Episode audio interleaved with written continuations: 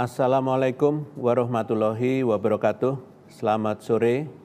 Pada kesempatan sore ini, saya akan menyampaikan perkembangan penanganan COVID-19 di Indonesia. Sebelum memulai sesi konferensi pers, perkembangan penanganan COVID-19 hari ini, Satgas Penanganan COVID-19 ingin menyampaikan apresiasi atas uh, peran seluruh daerah yang telah bekerja keras dalam melakukan pengendalian COVID-19 daerah memiliki peran yang sangat penting dalam penanganan COVID-19 di Indonesia dan tanpa ada peran aktif dari daerah, pemerintah pusat akan sulit melakukan upaya pengendalian kasus. Atas peran aktif daerah juga, kita saat ini berada pada kondisi kasus yang sudah cukup terkendali dan kegiatan sosial ekonomi di masyarakat secara bertahap mulai kembali beroperasi.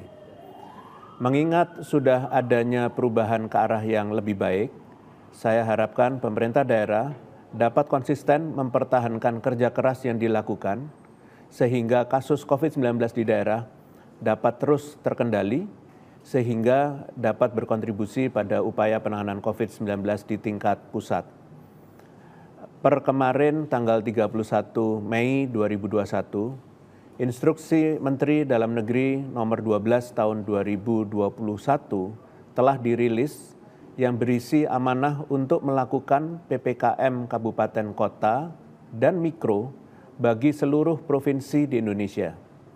Dengan adanya kebijakan ini, diharapkan baik daerah yang telah menjalankan PPKM sebelumnya maupun baru melaksanakannya per minggu ini, yaitu Provinsi Gorontalo, Maluku, Maluku Utara, dan Sulawesi Barat dapat lebih optimal dalam mengendalikan kasus COVID-19. Pada hari ini saya akan menyampaikan terkait perkembangan kasus pasca Idul Fitri jika dibandingkan antara Idul Fitri tahun 2020 dengan Idul Fitri tahun 2021. Jika dilihat dari rentang waktu dua minggu pasca periode Idul Fitri, terjadi kenaikan kasus positif mingguan sebesar 65,55 persen pada Idul Fitri tahun 2020 lalu. Sedangkan kenaikan di tahun ini adalah sebesar 56,6 persen pada rentang waktu yang sama. Selanjutnya, jika dilihat dari perkembangan kematian, maka pada Idul Fitri tahun 2020 lalu terjadi kenaikan kematian 66,34 persen. Sedangkan pada periode Idul Fitri ini justru sebaliknya, terjadi penurunan kematian sebesar 3,52 persen pada rentang waktu yang sama. Lebih dalam lagi, pada tingkat provinsi, jika dilihat kenaikan kasus positif tertinggi dalam persen pada dua minggu pasca Idul Fitri tahun 2020 lalu, Provinsi Jawa Tengah mengalami kenaikan hingga 368 persen. Disusul Sulawesi Selatan yang naik hingga 280 persen, kemudian Kalimantan Selatan naik 99 persen, Jawa Timur naik 45 persen, dan DKI Jakarta naik 33,2 persen. Sedangkan jika dibandingkan dengan perkembangan tingkat provinsi pada dua minggu pasca Idul Fitri tahun 2021 ini, kenaikan kasus positif tertinggi dalam persen juga diduduki oleh Provinsi Jawa Tengah. Namun, dengan tingkat kenaikan yang berbeda, yaitu di tahun ini sebesar 103,2 persen. Kemudian disusul oleh Kepulauan Riau yang naik sebesar 103 persen, kemudian Riau naik 69 persen, dan DKI Jakarta naik 49,5 persen, dan Jawa Barat naik 25 persen. Data perbandingan ini menunjukkan bahwa dampak pada kenaikan kasus yang ditimbulkan pada dua minggu pasca Idul Fitri di tahun ini tidak setinggi pada Idul Fitri 2020 lalu. Bahkan pada kematian di tahun ini mengalami penurunan pasca Idul Fitri. Dari perkembangan tingkat provinsi juga terlihat meskipun tetap mengalami kenaikan yang signifikan, namun persen kenaikan di tahun ini lebih rendah dibandingkan tahun lalu. Contohnya Jawa Tengah. berhasil menurunkan sepertiga dari kenaikan kasus mingguan pasca Idul Fitri di tahun 2020 lalu. Selain itu, Sulawesi Selatan dan Kalimantan Selatan yang pada tahun lalu berada pada peringkat 2 dan 3 tertinggi di tahun ini bahkan tidak masuk ke dalam lima besar. Ini adalah bukti bahwa masyarakat dan pemerintah daerah telah belajar beradaptasi selama satu tahun. Ini merupakan modal kita ke depannya untuk dapat terus produktif dan aman COVID-19 selama berada dalam kondisi pandemi. Saya berterima kasih kepada seluruh pemerintah daerah dan masyarakat yang sudah mematuhi kebijakan dan peraturan yang dibuat, utamanya terkait dengan kewajiban karantina mandiri 5 kali 24 jam bagi masyarakat yang baru pulang bepergian dan himbauan untuk meningkatkan testing di setiap provinsi. Hal-hal ini memungkinkan kita untuk dapat menjaga agar kenaikan kasus tidak terlalu tinggi pasca periode Idul Fitri. Namun saya tetap mengingatkan bahwa jangan terlena dengan perkembangan ini. Ini baru dua minggu pasca Idul Fitri. Dampaknya masih akan terlihat beberapa minggu ke depan.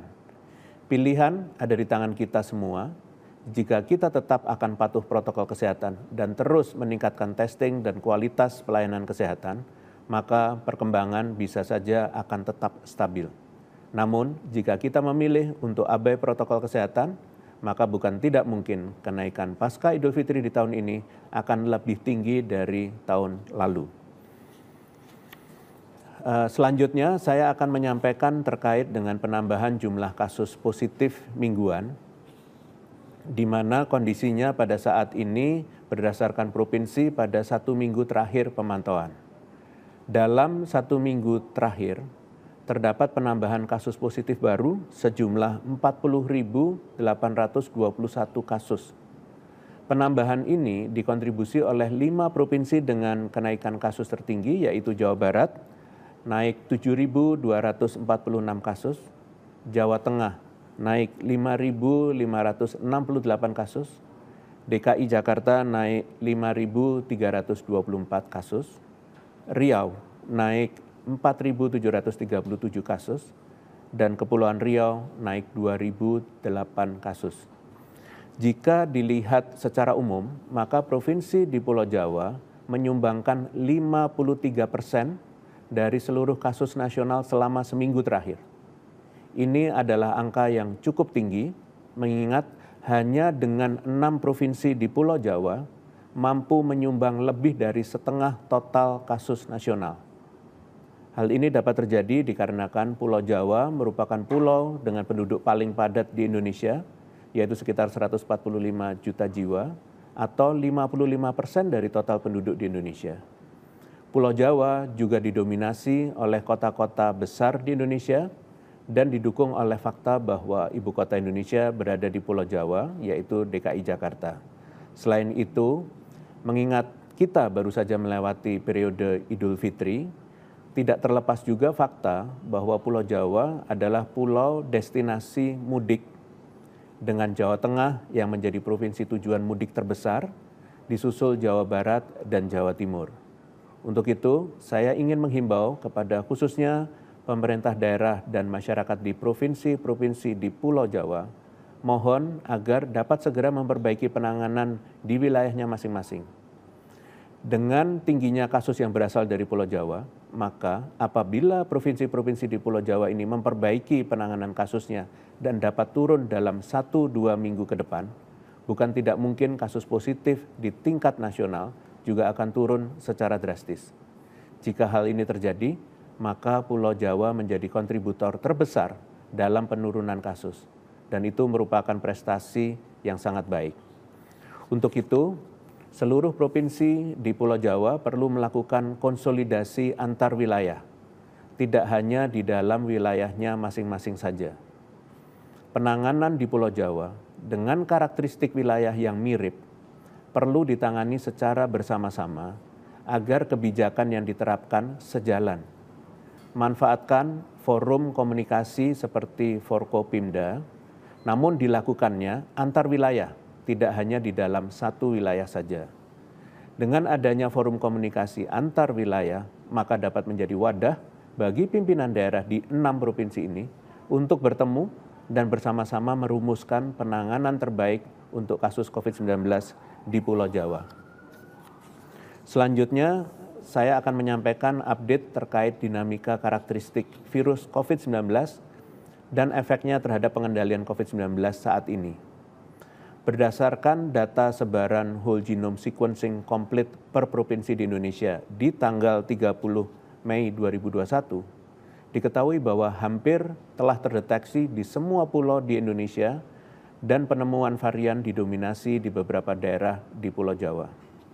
Sebagaimana yang kita ketahui bahwa virus COVID-19 terus mengalami mutasi dan sampai saat ini menurut Weekly Epidemiological Update oleh WHO, diketahui bahwa sampai saat ini terdapat empat jenis varian yang menjadi perhatian yaitu B117 dari Inggris, B1351 dari Afrika Selatan, B11281 atau disebutnya P1 dari Brasil dan Jepang, dan B1617 dari India. Varian yang menjadi perhatian atau varian of concern adalah varian yang berdasarkan penemuan ilmiah terbukti mengalami perubahan karakteristik baik satu atau lebih di antaranya dapat bersifat lebih menular, menimbulkan gejala yang lebih parah, maupun menurunkan efikasi vaksin, keandalan pengobatan, serta akurasi alat uji yang sudah ada. Terkait penemuan ini, khususnya dampaknya terhadap efektivitas vaksin, WHO berdasarkan berbagai studi yang dilakukan beberapa peneliti menyatakan bahwa beberapa varian memiliki besaran pengaruh yang sedikit hingga sedang terhadap angka efikasi tiap vaksin pada kasus positif dengan varian tertentu. WHO menyatakan bahwa varian B117 mempengaruhi efikasi vaksin AstraZeneca. Varian B1351 mempengaruhi efikasi vaksin Moderna, Pfizer, AstraZeneca, dan Novavax. Sedangkan varian P1 mempengaruhi efikasi Moderna dan Pfizer. Dan untuk varian B1617 mempengaruhi efikasi Moderna dan Pfizer. Perlu diketahui bahwa pengaruh varian terhadap efikasi masih bersifat sementara dan masih bisa berubah tergantung hasil studi lanjutan yang sedang dilakukan. Pada prinsipnya, perubahan efikasi beberapa jenis vaksin terjadi karena seluruh vaksin yang dikembangkan dan digunakan saat ini masih menggunakan virus yang belum bermutasi atau original variant dari Wuhan, di mana virus COVID-19 pertama kali ditemukan. Namun, perlu diketahui bahwa perubahan efikasi vaksin atau kemampuan vaksin dalam mencegah penyakit pada penerima vaksin tidak membuat besar efikasinya turun di bawah 50 persen yang menjadi ambang batas minimal efikasi yang ditolerir oleh WHO untuk sebuah produk vaksin yang layak. Bahkan beberapa di antaranya masih memiliki efikasi di atas 90 persen. Perlu ditekankan bahwa fakta ini patut menjadi pengetahuan bagi banyak pihak dan diharapkan bisa menjadi dasar untuk bersikap lebih semakin siaga dan antisipatif terhadap penularan COVID-19, khususnya oleh kasus importasi dengan sumber daya yang ada, bukan untuk menjadikan kita pesimis atau menjadi terlalu panik. Ingat bahwa setiap permasalahan pasti ada solusi. Selagi kita mau untuk benar-benar konsisten melakukan berbagai upaya preventif, yang pada kasus ini tidak bisa hanya mengandalkan satu upaya saja. Oleh karenanya, untuk menyelesaikan permasalahan ini, maka hal yang dapat dilakukan ialah melakukan berbagai solusi secara paralel, paralel secara kolektif di antaranya. Saat ini kita perlu melakukan beberapa solusi secara paralel yaitu satu, mengefektifkan testing dan karantina pelaku perjalanan internasional demi menekan bertambahnya varian yang masuk karena saat ini yang terdeteksi berdasarkan hasil whole genome sequencing ialah 4 dari delapan total varian akibat mutasi COVID-19. Yang kedua, menggiatkan whole genome sequencing secara komplit untuk mengetahui distribusi secara tepat untuk dapat menjadi dasar kebijakan pengendalian yang spesifik sesuai risiko per daerah. Yang ketiga, penegakan protokol kesehatan di semua sektor dan lini kegiatan demi menurunkan peluang kemunculan varian baru atau gabungan dengan kasus-kasus yang ada di Indonesia karena pada prinsipnya mutasi akan menjadi lebih masif saat penularan di masyarakat juga tinggi. Dan keempat yang terakhir ialah melanjutkan vaksinasi karena pada prinsipnya vaksin yang digunakan sampai saat ini masih tergolong efektif baik untuk mencegah penyakit atau menghindari gejala parah pada kasus positif. Mohon kepada seluruh pemimpin daerah, petugas di lapangan, dan seluruh masyarakat untuk kembali mengevaluasi penerapan kebijakan di lingkungan kita. Pada prinsipnya, solusi-solusi tersebut tidak akan efektif jika tidak ada kekompakan dalam menjalankannya. Kita perlu menanamkan keyakinan terhadap kemampuan bangsa untuk sukses mengendalikan COVID-19. Pemerintah sangat berterima kasih kepada seluruh elemen negara yang sampai detik ini masih konsisten melakukan pengendalian COVID-19 semaksimal mungkin. Perlu diingat bahwa setiap usaha, baik kecil, sesederhana apa pun, termasuk memakai masker saat keluar rumah, sampai usaha yang berskala besar seperti pelaksanaan vaksinasi demi mencapai kekebalan komunitas di Indonesia, sangatlah berarti. Semua adalah pahlawan dengan caranya masing-masing, maka berkontribusilah terhadap pengendalian COVID-19 dengan kemampuannya masing-masing. Sebagai penutup, saya akan menyampaikan beberapa informasi tambahan terkait isu penanganan COVID-19 dalam beberapa hari terakhir. Pertama, terkait dengan vaksin, saya perlu tekankan bahwa fungsi dari vaksin COVID-19 adalah untuk melakukan pencegahan terhadap penularan COVID-19 ataupun juga mencegah seseorang yang tertular untuk uh, hanya, uh, tidak mengalami gejala yang buruk akibat terinfeksi. Vaksin COVID-19 bukan diperuntukkan untuk melakukan pengobatan. Hingga saat ini, pengobatan COVID-19 masih dalam tahapan pengembangan. Upaya terbaik dalam menghindari penularan COVID-19 adalah melakukan pencegahan melalui disiplin protokol kesehatan Eh, dan melakukan kegiatan-kegiatan vaksinasi apabila dimungkinkan. Kedua, Badan POM telah menerbitkan laporan pengujian vaksin COVID-19 AstraZeneca dengan nomor batch CTMAV 547 dengan hasil kesimpulan toksisitas abnormal dan sterilitas vaksin COVID-19 AstraZeneca batch tersebut memenuhi syarat mutu dan aman digunakan. Satgas berharap hasil temuan ini dapat diterima dengan baik oleh masyarakat dan program vaksinasi nasional dapat terus berjalan sebagaimana mestinya. Ketiga, pada Senin 31 Mei 2021, pemerintah Indonesia secara resmi kembali menerima sebanyak 8 juta dosis vaksin Sinovac dalam bentuk bulk di Bandara Soekarno-Hatta. Pemerintah berharap melalui kedatangan vaksin ini, maka program vaksinasi nasional dapat berjalan dengan baik dan sesuai dengan jadwal. Dengan demikian, kesehatan masyarakat dapat pulih dan ekonomi nasional dapat bangkit. Terakhir, sebelum menutup uh, sensi konferensi pers ini, saya ingin mengucapkan selamat hari lahir Pancasila.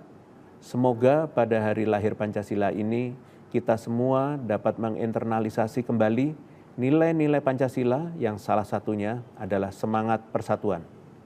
Mari kita implementasikan semangat persatuan dalam kehidupan sehari-hari termasuk juga dalam upaya pengendalian COVID-19. Semangat persatuan ini merupakan kunci utama kolaborasi pemerintah dan masyarakat dalam upaya penanganan COVID-19 sehingga nantinya pandemi ini dapat segera hilang dari tanah air. Sekian konferensi pers pada hari ini. Terima kasih atas perhatiannya. Selamat sore. Wassalamualaikum warahmatullahi wabarakatuh.